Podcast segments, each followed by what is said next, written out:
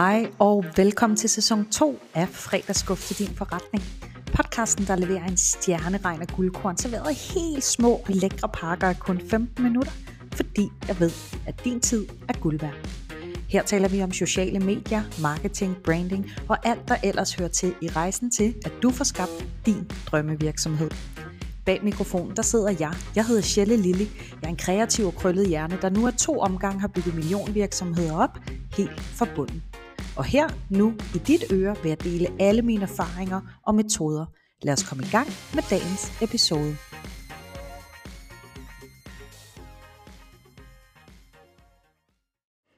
Hej og velkommen til episode 12 af Fredagsskuf til din forretning. I dag har vi gjort, ligesom vi har gjort en gang før i en forrige episode, nemlig at I har haft muligheden for inde på min Instagram og inde på min øh, Facebook-gruppe at stille spørgsmålene til dagens episode. Og øh, tak for, t- til alle dem, der har sendt gode spørgsmål. Øhm, det er altid svært at vælge, og nogle af spørgsmålene ligger sig en lille smule op af hinanden, så derfor har jeg egentlig valgt tre, som ligger et stykke fra hinanden, fordi så tænker jeg, at vi på en eller anden måde, eller på sin vis, berører de her emner under hver af de her tre spørgsmål. Og jeg kommer til at gennemgå spørgsmålene sådan helt slavisk, men øh, nu læser jeg lige de tre spørgsmål op, der kommer, og i den rækkefølge, de kommer. Så hvis der er noget af det, du ikke finder relevant for dig, så kan du prøve at spole frem til øh, det rigtige sted i podcasten. Men de tre spørgsmål, vi skal snakke om i dag, det er, hvordan går man fra deltid til fuldtid, og her har jeg øh, tilladt mig at fortolke ikke kun, at det handler om at være til stede på Instagram, men altså hvordan man i sin virksomhed eller i sit konsulent, uanset hvad man brænder for at lave som selvstændig, hvordan man går fra det her med at have det som et deltidsprojekt, hobby måske også, til simpelthen at gøre det til en fuldtids levevej. Så det er det første spørgsmål, vi berører. Næste spørgsmål, vi berører, det hedder, øh, det kommer fra GoNetGo, som spørger, hvad skal man booste, og hvornår skal man booste? Og det er faktisk et spørgsmål, jeg er virkelig glad for, at du bringer på banen, fordi det er et spørgsmål, jeg rigtig tit får. Så lad os nu få det ud og leve her, hvor at flere kan få gavn af det gode spørgsmål. Så det er jeg glad ved. Det tredje og sidste spørgsmål, vi skal snakke om i dag, hvad er dit bedste råd til ikke at poste og ghoste, spørger Anne-Katrine. Og med det øh, vil jeg lige starte med at uddybe øh, begrebet post and ghost. Det betyder, at man indimellem dukker op på sine sociale medier, laver et opslag, altså poster, og derefter forsvinder igen deraf ghoster.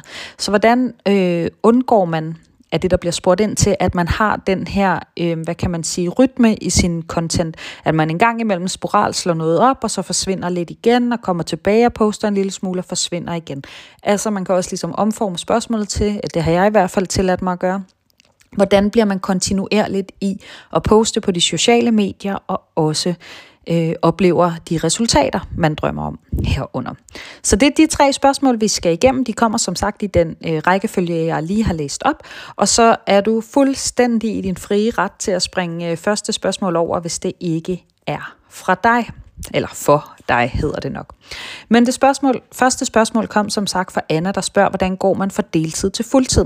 Og det er jeg glad for, at du har spurgt om, øh, Anna, fordi at det er faktisk noget, jeg har prøvet flere gange, og har en virkelig, virkelig god erfaring indenfor.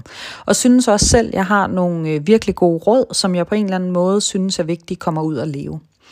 Jeg har haft øh, tre sådan øh, fuldtidsvirksomheder efterhånden bag mig. Den første, den kom så faktisk af, at da jeg var øh, gravid med min første fødte, blev jeg øh, sygemeldt og måtte ligge i min seng i ret mange uger øh, indtil hun blev født. Og, øh, og, og det var sådan, jeg skulle være sengeliggende. Det var ikke sådan, jeg kunne lave lidt en gang imellem. Jeg skulle altså øh, bare ligge i den der seng. Og det skulle jeg faktisk også i min anden graviditet, for det ikke er løgn. Den tredje gik øh, godt. Øh, men det er bare for at sige, at da jeg, øh, da jeg lå der, og jeg er faktisk lige blevet fyret, fordi at øh, min chef fandt ud af, på daværende tidspunkt, at jeg var i fertilitetsbehandling for at blive gravid, og da han øh, opdagede det, så blev jeg pænt øh, opsagt. Så pludselig lå jeg der arbejdsløs, øh, ud af stand til at gå ud og søge et nyt arbejde eller foretage mig noget, så jeg måtte ligesom til at bygge en virksomhed øh, hjemmefra.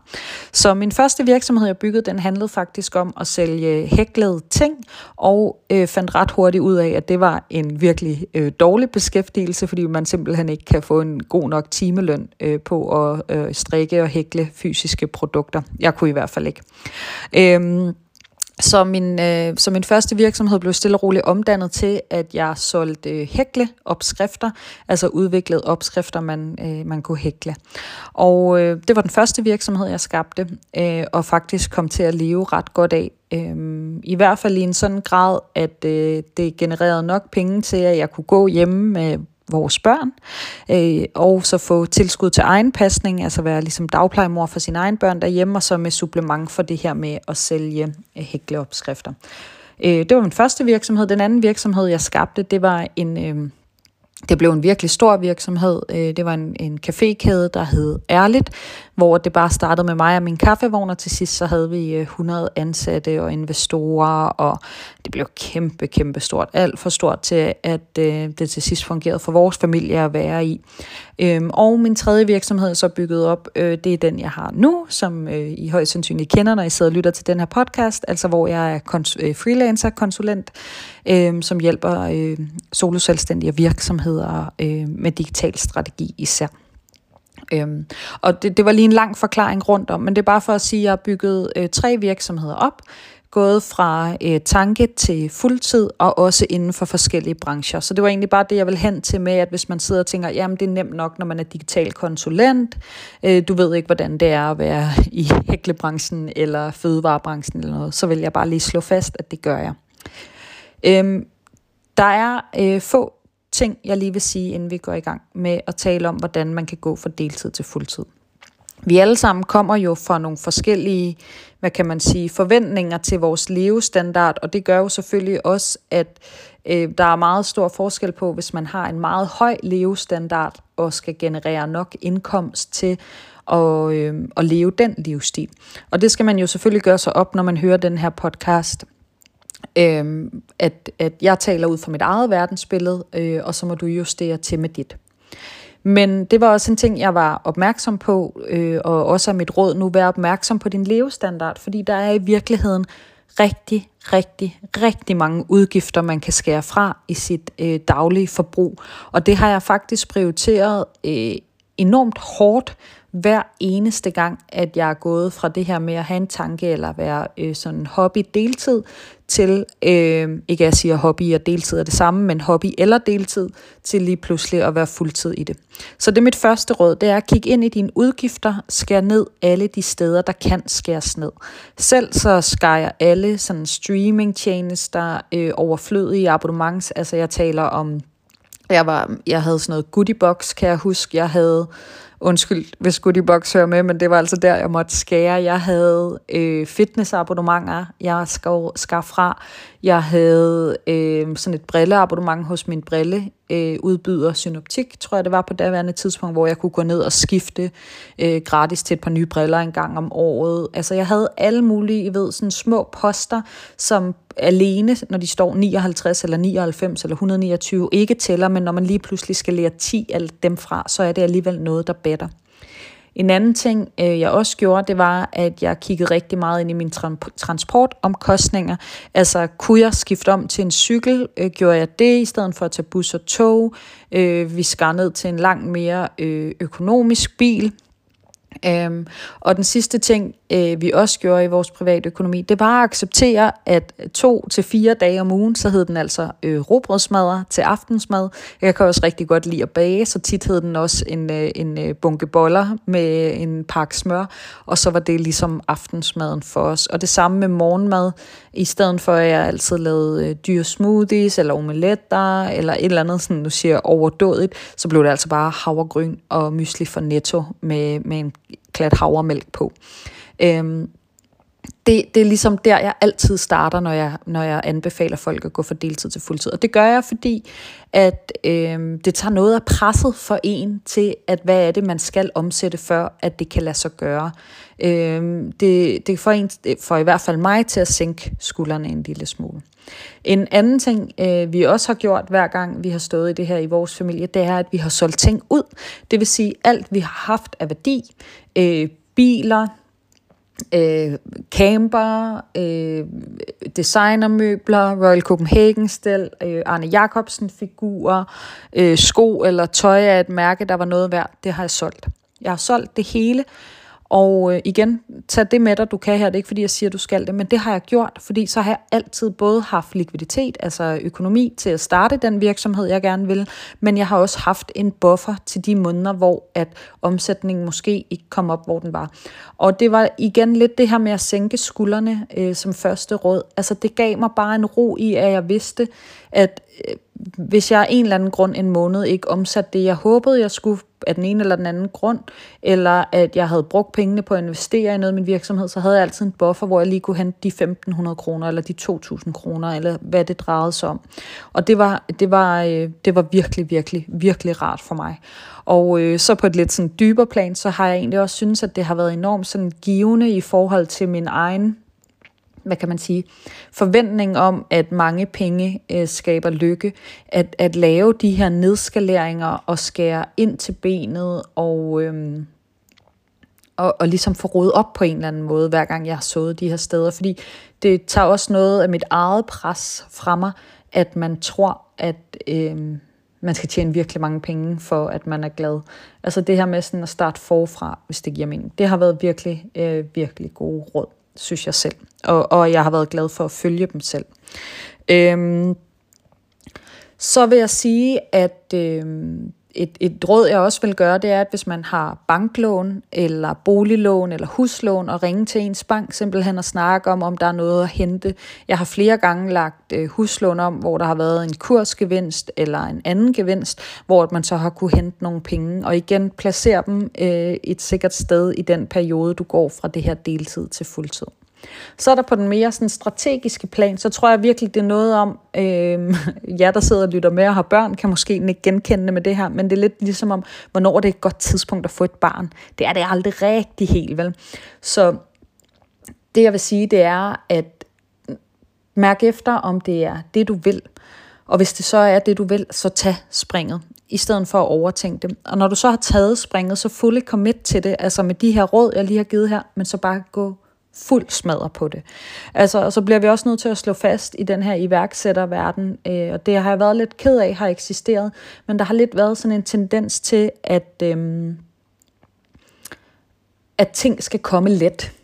Og, og det tror jeg, vi bliver nødt til ikke fordi de ikke må komme let, og ikke fordi de nogle gange ikke kommer let, men vi bliver også nødt til at tale om, at det også er pissehårdt at være iværksætter. Der er dage, hvor man har ondt i maven. Der er dage, hvor man sidder og kigger på jobopslag på øh, Jobindex eller LinkedIn, eller hvor man, øh, hvor man søger på jobs.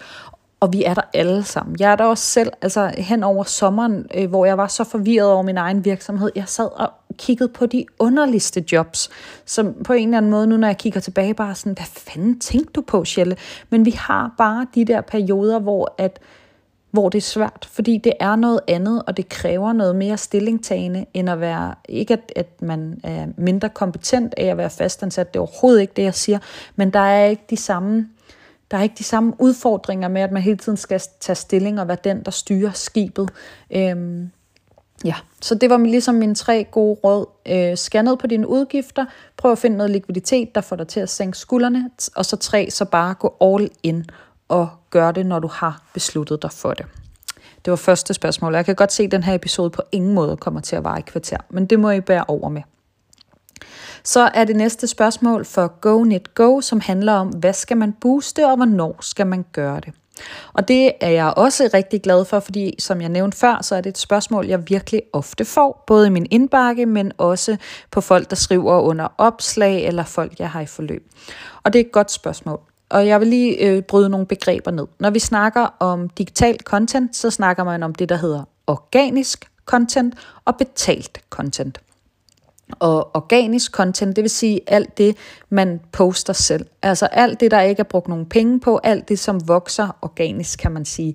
Det er de stories, du laver, de opslag, du laver, som du ingen penge smider efter. Og så er der den betalte del, som er både boost på Instagram, men som også er annonceringer i Meta, øh, eller Google Ads, eller andre steder, man betaler for annoncering.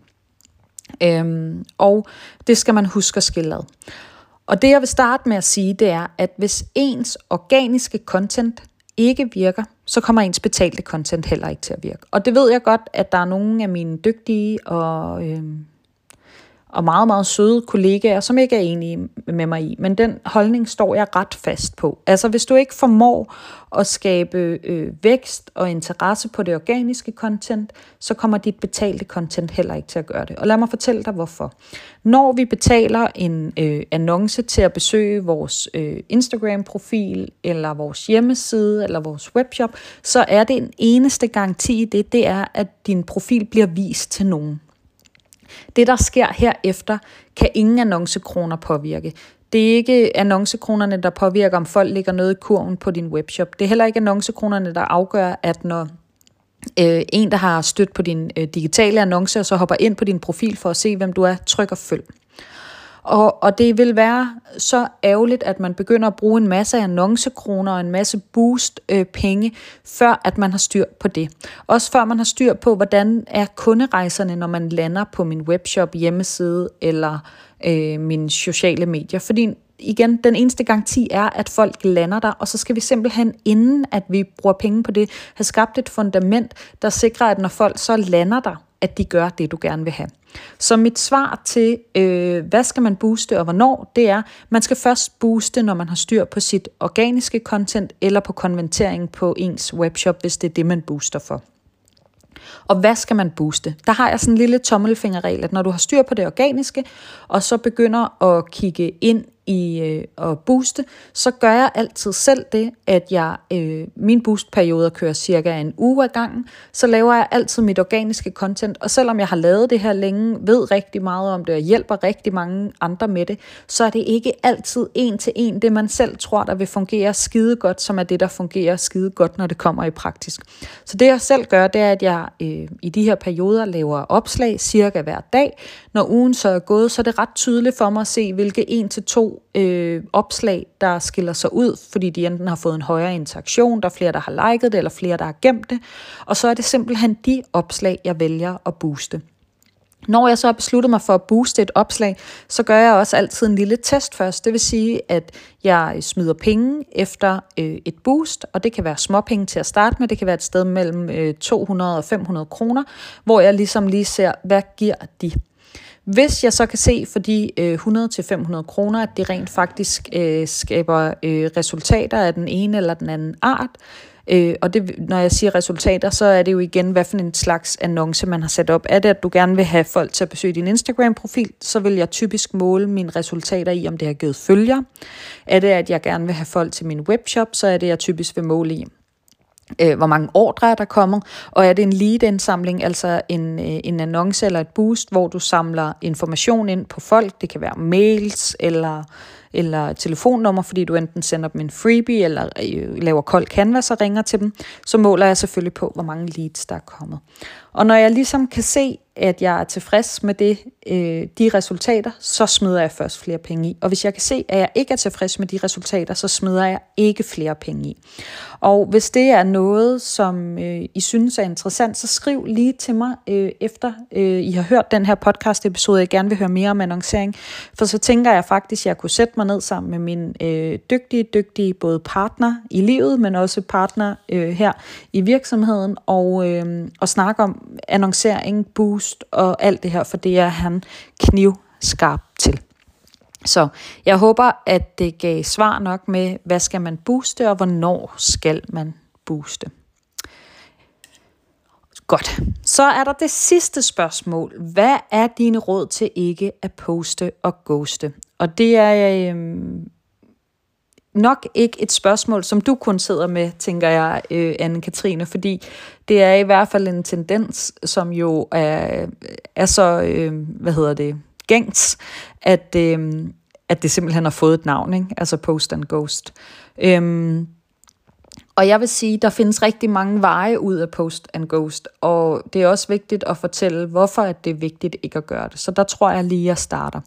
Grunden til, at det er skidt at poste, forsvinde, komme lidt tilbage, poste lidt igen og forsvinde igen, er, at du ikke arbejder med algoritmen. Øh, algoritmen er sådan en ting, som vi, øh, vi tit beskylder for alt muligt, at den er imod os, og den vil os det ondt osv. Det vil den i virkeligheden ikke. Algoritmen vil i virkeligheden godt gerne gøre det så godt for os som overhovedet muligt. Det er i virkeligheden det, øh, algoritmen øh, skal. Den skal gøre det godt for dig som både bruger af platformen, øh, men også som aktør på platformen. Og grunden til, at den skal det, det er, at øh, sociale medier som for eksempel Instagram, Meta, Facebook, TikTok osv., det, der er valuta for dem, det er din tid. Altså din dyrebare tid, du bruger på deres platform. For jo flere øh, brugere de har, og jo mere øh, tid man bruger på deres platform, jo mere kan de sælge annoncepladser. Øh, som er det, vi lige har snakket om, for eksempel Boost. Fordi forestil jer, hvis der var en platform, hvor der næsten ikke var nogen besøgende, så ville det jo ikke give mening for aktører at betale for at få vist sit indhold her. Grunden til, at vi gerne vil betale øh, for øh, at lave meta-annoncer, altså Facebook- og Instagram-annoncer og annoncer på Google, er jo fordi, vi ved, at det er et sted, hvor folk er til stede, og YouTube-annoncer også for eksempel. Så algoritmen arbejder altså altid på at beholde dig derinde. Og det øh, algoritmen ligesom også belønner, det er, at hvis du er aktiv på deres digitale medier, så går det der bedre. Så det vil sige, hvis du bare en gang imellem poster og forsvinder og poster og forsvinder, så vil algoritmen ligesom ikke arbejde til din fordel, fordi du ikke er en, hvad kan man sige, en superbruger for deres perspektiv. Hvis du derimod øh, er kontinuerlig, hele tiden viser dig, får en lille smule interaktion, to-tre følgere mere, to-tre følgere mere, ti følgere mere, lige pludselig flere og flere kommentarer, så begynder algoritmen altså at sige, mm, der er noget interessant her, hun er glad for at være på vores profil, vi fodrer hendes algoritme, så hendes content bliver vist til flere, og samtidig så vil øh, algoritmen jo også sige, oh, der er noget interessant indhold, som folk interagerer med, det må blive disponeret for flere. Så det er sådan grunden til, at det er en virkelig dårlig idé at post and ghost. Og så er der også sådan hele den organiske samvær, altså digital samvær. Og det har jeg sagt virkelig mange gange, men sociale medier er sociale. Og det betyder altså også, at det er vigtigt for din forretning, at når folk øh, liker dit opslag, når folk skriver til dig i din indbakke, når folk kommenterer dit indhold på sociale medier, at du rent faktisk svarer dem. Det er den relation, der bygges der, som især er det digitale medier kan. Og øh, Instagram er sådan en lidt sjov størrelse i forhold til andre medier, fordi Instagram er virkelig en af de digitale medier, vi har, hvor der er allermest envejskommunikation.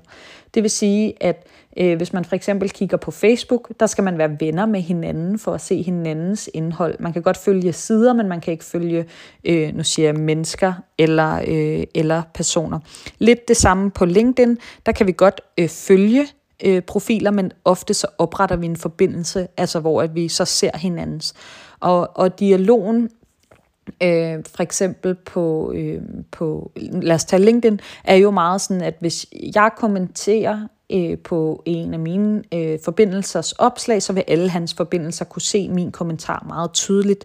Øh, prøv at gå ind og tjekke LinkedIn ud, hvis I ikke kender det. I forhold til på Instagram, der bliver øh, interaktionerne og kommentarerne sådan lidt skjult og foldet sammen, fordi at Instagram er sådan meget envejskommunikation. Man sender noget ud til sine følgere. Der er ingen forpligtelser om, at dem, der følger en, skal man følge tilbage. Men vi er trods alt sociale væsener. Vi er på Instagram også for at finde en form for samhørighed og skabe nogle relationer. Så derfor er det også vigtigt, at man som øh, hvad kan man sige, som aktør på at sende content ud, rent faktisk tager sig af det, der kommer tilbage. Og det vil sige, at hvis folk kommenterer, så skylder du, synes jeg, både strategisk for din egen virksomhed, men også over for de ægte mennesker, der har brugt tid på at både læse og interagere med dit indhold og svare dem. Og hvis du poster og ghoster i en sådan grad, at du ikke besøger platformen mere end en gang om ugen, eller hver 14. dag, eller sådan noget, så mister du tækket med den dialog, der opstår. Og igen kan man så vende tilbage til algoritmen. Det hele hænger jo sammen. At hvis, hvis, hvis algoritmen kan se, at folk kommenterer, men at der ikke er svar, så, så bliver det ligesom øh, vurderet som et ikke levende opslag, og algoritmen skruer en lille smule ned for det. Hvorimod, at hvis du altid svarer på kommentarer, så vil der komme liv i tråden. Folk vil måske også svare tilbage. Og jeg tror faktisk, at det er 4-5 episoder siden, hvor vi snakkede om det begreb, jeg kalder social spredning, som også kunne øh, have et, et, et, et helt afsnit for sig selv, så jeg vil ikke gå for meget ned i det. Men, men for eksempel, når folk stiller et spørgsmål, så sørg på en eller anden måde altid for at holde dialogen kørende af de grunde, jeg siger her. Så hvis folk siger, ej, hvor var det et dejligt opslag, tusind tak, så kan man i stedet for bare skrive, det er jeg glad for, så kan man skrive, ej, det er jeg glad for, hvad kunne du bedst bruge af det? Og så svarer de igen, og på den måde bliver kommentaren, opslaget af din algoritme levende. Det var lige øh, et langt øh, forklaring om, hvorfor det er vigtigt øh, ikke at gøre det. Men for at undgå at poste og go, så er mit simple svar content planlægning. Vi kender det alle sammen. Vi har masser af intentioner om, hvad vi skal, ligesom vi har masser af intentioner om, at vi skal ned og morgentræne fire gange i næste uge, og har tilmeldt os yogahold og sådan noget. Så bliver det tirsdag morgen, og lille Bob, han vil ikke ud af sengen, og man har sovet af helvedes til, og man er også lidt træt, og nej, nu står der lige en stor kaffe latte og en croissant på bordet, det er måske også lige meget, vi kan træne i morgen. Ikke? Og det er lidt den samme tendens, der sker, når vi snakker contentplanlægning. Ej, jeg kan ikke lige finde på noget, det er måske heller ikke så vigtigt, ej, jeg gør det i morgen. Så en måde at holde sig fast på, ikke at poste og ghoste, det er at sætte sig ned, beslutte sig for, hvor mange gange om ugen vil man poste, ligesom hvor mange gange om ugen vil man træne, og så lægge en plan for det. Og igen, jeg sammenligner altid sociale medier med træning øh, fordi de har så mange ting til fælles. I stedet for at være sindssygt ambitiøs og sige, at jeg skal poste seks opslag om ugen, så start med at sige, hvis man ikke er vant til det, og man lider lidt af post and ghost øh, syndromet, så, så aftal med sig selv, den her uge og de næste seks uger, der skal jeg poste øh, to opslag om ugen. Det vil sige, det er 6 gange 2, det er 12 opslag, og så sæt dig ned og lav de 12 opslag. Og hvis du kan mærke, at det bare kører, så sig, så laver jeg skulle lige tre mere, så har jeg 15 opslag til de næste 6 uger. Og så videre, ikke? Så det er sådan den ene. Planlæg det. Øh, hvis det er fordi, man er ved at løbe tør for content-idéer, øh, så skriv til mig. Jeg har sådan 200 content-idé-bog, øh, vi kan finde ud af, øh, hvordan du får fat i. Øh, det er den ene ting. Og så den anden ting, det er at have et formål. Altså, og det har vi også snakket rigtig meget om i de foregående episoder, så jeg nævner det ganske kort. Men spørg lige dig selv, hvad er det, du gerne vil på de sociale medier? Ja, men jeg vil gerne have flere følgere. Jamen det kan ikke kun være at have flere følgere, fordi at have 10.000 eller 100.000 eller 5.000 eller 300 følgere, det er ikke det, der hverken gør dig lykkelig, rig eller driver din forretning. Så, så prøv at komme videre i det spørgsmål. Er det fordi, du gerne vil have flere til at købe dit produkt? Er det fordi, du gerne vil opbygge en Instagram, så du kan begynde at være influencer og have betalt samarbejde? Eksisterer din øh, Instagram for, at du kan få flere ordre på din webshop? Øh, eksisterer din Instagram, fordi du har et budskab, øh, til verden om et, et emne, eller sådan. Det der skal du lige gøre op med dig selv. Og når du så ligesom har sat dit why på, så er det, at du skal til at bygge dit how. Altså, hvordan gør jeg så? Hvad er det, mit indhold skal være? Hvad for nogle emner skal jeg snakke om? Hvad for en type content skal jeg lave? Og det ved jeg, at der ligger en hel episode om også tidligere, som jeg vil anbefale både øh, dig, Anne-Katrine, men også jer, der lytter med, og hoppe tilbage og lytte på. Det blev øh, næsten dobbelt så lang tid, som de her episoder øh, plejer at vare, men til gengæld er det jo også lang tid siden, jeg har været herinde. Det øh, har været en øh, mærkelig tid for mig, som jeg også lige nævnte, fordi jeg simpelthen øh, har kunne mærke, at min virksomhed skulle noget andet. Og øh, nogle gange kan det være svært at ændre kurs, og især kan det være svært for mig at ændre kurs, når der er medvind i sejlene. Men når man ligesom kan mærke, at... Øh, at nye tider kalder på nye ting, så, har, så, så er det vigtigt at mærke efter. Det har jeg i hvert fald lært. Øhm, så der er sket en masse omlægning i min virksomhed, og tak for alle jer, der har læst det skønne, øh, eller givet skønne feedback på det opslag, jeg skrev forleden. Det er simpelthen så dejligt. Som noget nyt kommer jeg også til at udbyde øh, sådan en SoMe Manager uddannelse, så både dig, der er selvstændig øh, SoMe Manager, kan skabe millionforretninger, men også dig, som er øh, selvudnævnt marketingsekspert i din enkeltmandsvirksomhed, kan få hjælp til, hvordan at du står som en øh, marketingsboss øh, boss på den anden anden side af det her forløb. Så det er også, øh, det er også helt vildt, at det, det nu udruller sig. Det er jeg i hvert fald rigtig glad for. Men det her, det var øh, dagens episode med spørgsmål fra jer. Jeg ved godt, der er nogen, der har stillet spørgsmål, som jeg slet ikke har nået at svare. Det kan være, at vi kan tage dem med i andre episoder, ellers kan vi lave sådan en her, øh, I spørger, jeg svarer podcast igen om nogle uger. Men det var i hvert fald virkelig dejligt at være tilbage, og jeg ønsker jer den smukkeste og dejligste øh, sensommer slash efterårsfredag derude. Hej. Tak fordi, at du lyttede med til podcasten Fredagsskub til din forretning. Husk, at du altid kan subscribe til podcasten, og så vil du få et lille bling, når der er mere guf klar til dig og din forretning. Her til sidst vil jeg bare lige sige, hvis ikke vi allerede er connected, så hop ind og find mig på Instagram eller LinkedIn og connect med mig. Jeg hedder som sagt Shelle Lilly. Tak for i dag.